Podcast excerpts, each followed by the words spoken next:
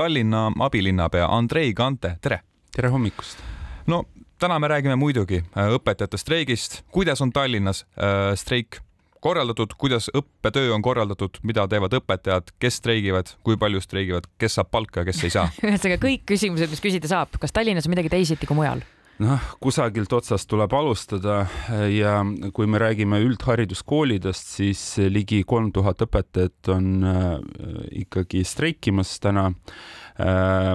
siis toetusstreigis osaleb ligikaudu viissada üldhariduskoolide töötajat Ehm, ja kui me räägime lasteaedadest, see on tuleviku teema, ehk siis alates kahekümne neljandast kuupäevast on eh, toetusstreigiga liitumas eh, üle kahe tuhande õpetaja, ehk siis rohkem kokku, rohkem kui viis tuhat õpetajat streigib Tallinnas ja, ja see küsimus, kes saab palka, kes ei saa, äh, see on keeruline teema, me oleme seda teemat arutanud äh, Eesti Haridustöötajate Liiduga, äh, koolijuhtide ühenduse ähm, siis esindajatega ja alusharidusjuhtide esindajatega.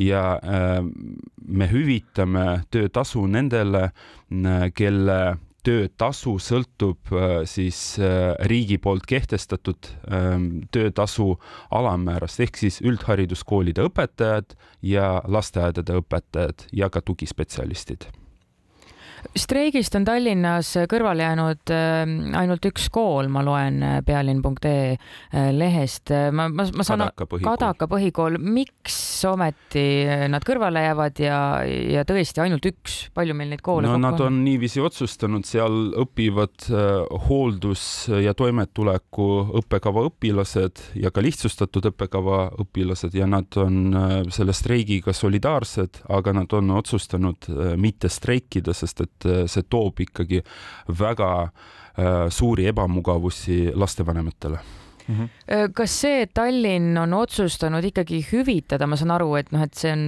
üle Eesti ühe malli järgi võtta ei saa, et Tallinn on otsustanud siis ikkagi töötasu maksta esimestel streigipäevadel, ma saan aru, kas see on kolm päeva siis? nojah, selline esialgne kokkulepe on olnud Äh, kolm päeva, me tegime omalt poolt õiguslikku analüüsi, oleme tellinud äh, sellist laadi õiguslikku analüüsi tuntud advokaadibüroolt. Me näeme seda, et seadusega vastuollu me ei lähe, aga oluline on teadvustada seda, et ähm, õpetajate töötasude rahad on sihtotstarbelised ja nii või teisiti kõik kohalikud omavalitsused maksavad seda raha õpetajatele ähm, ühel hetkel aga ma saan aru, et täna hommikul, esmaspäeva hommikul kell üheksa kaheksateist on teil selge arusaam ja kindlus, et mingisugust kaost äh, Tallinna koolides äh, täna oodata ei ole, ka järgmise kolme päeva jooksul? no ma olen päris kindel, et meie juhid saavad olukorraga hakkama ja praegusel hetkel ühtegi sellist laadi signaali ei ole tulnud no,. üks põhilisi teemasid, millest õpetajad räägivad, on ikkagi see palgatõus. kas te saaksite natukene enda vaatevinklist avada, kuidas tuleb siis kokku näiteks Tallinnas töötava õpetaja palk? Jällegi, et äh, me lähtume praegu Tallinna mudelist. Äh, Tallinn maksab oma õpetajatele või siis lähtub äh, töö tasustamisel riiklikust töötasu alammäärast ehk siis õpetaja töötasu alammäärast, mida kehtestab Vabariigi Valitsus. ja sellest me lähtume, me võrdsustame need töötasud siis üldhariduskoolide õpetajad saavad siis riigi poolt kehtestatud töötasu ja mm, me võrdsustame seda ähm, lasteaiaõpetajatel ja huvikoolide õpetajatel, see on juba linnakassa äh, täiendav äh, panus. nii et äh, meie lähtume sellest, mida eraldab riik siis haridustoetusena. ma saan aru, et mõned omavalitsused panevad siis juurde sellele. Mm, ja selline võimalus on olemas. kas Tallinn paneb juurde? Tallinn äh, jällegi, et see on huvitav äh, narratiiv, mida praegu osad äh, üritavad levitada, et justkui Tallinn ei panusta haridusse. Tallinn täiendavalt panustab iga-aastaselt kuni kakskümmend miljonit eurot selleks, et hoida üleval kõiki neid tugisüsteeme, mida igas koolis ja igas lasteaias tuleb üleval hoida. Need on siis Tallinna poolt avatud ametikohad nagu HEF koordineerijad, nagu haridustehnoloogid, täiendavad tugispetsialistid, abiõpetajad ja nii edasi, et see ongi Tallinna linna täiendav toetus. nüüd, mis puudutab käesolevat aastat, siis sellele lisandub veel ka klassijuhatamise tasu tõus, mis on ligikaudu kaks koma seitse miljonit eurot aastas. see on ka linnakassa täiendav panus, mida me maksame õpetaja palgale juurde. lisaks sellele on äh, Äh, kulud, mis on seotud eestikeelsele haridusele äh, üleminekuga. Äh, esmalt on siis õpetaja abide ametikohad ja ajutised ametikohad, mis on seotud just nimelt üleminekuga, see on ka märgatav selline panus üle kolme miljoni, nii et me panustame samamoodi Tallinna abilinnapea haridusvaldkonnas Andrei Kante on meil stuudios. kogu selle nüüd rahastusjutu taustal pean oponeerima läbi peaminister Kaja Kallase, kes ikkagi nüüd ütles, kas see oli nüüd valitsuse pressikonverentsil, et eh, juba ainuüksi see, et õpetajatele streigi ajal Tallinn on otsustanud siis palka ikkagi maksta, et see on poliitiline agenda ja see on nagu Kesk, Keskerakonna poliitiline agenda ja, ja Tallinna linn kasutab õpetajaid eh, lihtsalt ära, et mida, mida te selle peale kostate või, või olete, olete kostnud juba? noh, tegelikult eh, neid sõnumeid on olnud ikkagi rohkem kui üks ja meie lähtusime ikkagi sellest kokkuleppest äh, haridusjuhtidega ja Eesti Haridustöötajate Liiduga. ehk siis meie eesmärk, meie peamine eesmärk, mikspärast me ikkagi töötasu, äh, tasusid hüvitame, on see, et kogu ühiskond ei oleks, kogu ühiskonna äh, toimimine ei oleks pausi peal. ehk siis eesliini töötajad saaksid oma tööd teha, päästjad, arstid ähm, politseinikud, see on ju väga oluline tegelikult, et, et seda nagu äh, keegi ei märka äh,, mis, mis oli tegelik eesmärk äh,. jah, no neid spekulatsioone on olnud palju ja, ja tegelikult äh, tõsiselt neid võtta ei saa.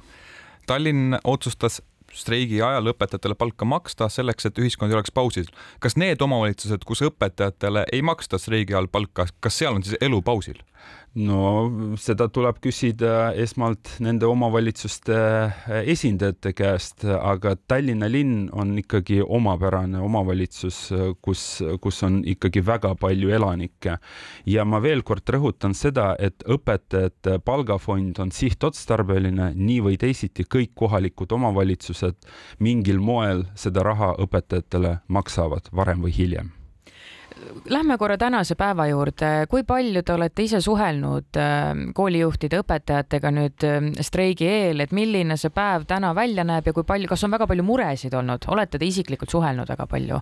ma, ma olen suhelnud ja ma võin tõdeda seda, et kõikide juhtide ja ka õpetajate jaoks on tänane päev ikkagi kurb päev, sest et ähm, õppetöö on halvatud tavapärane rutiin on katkestatud.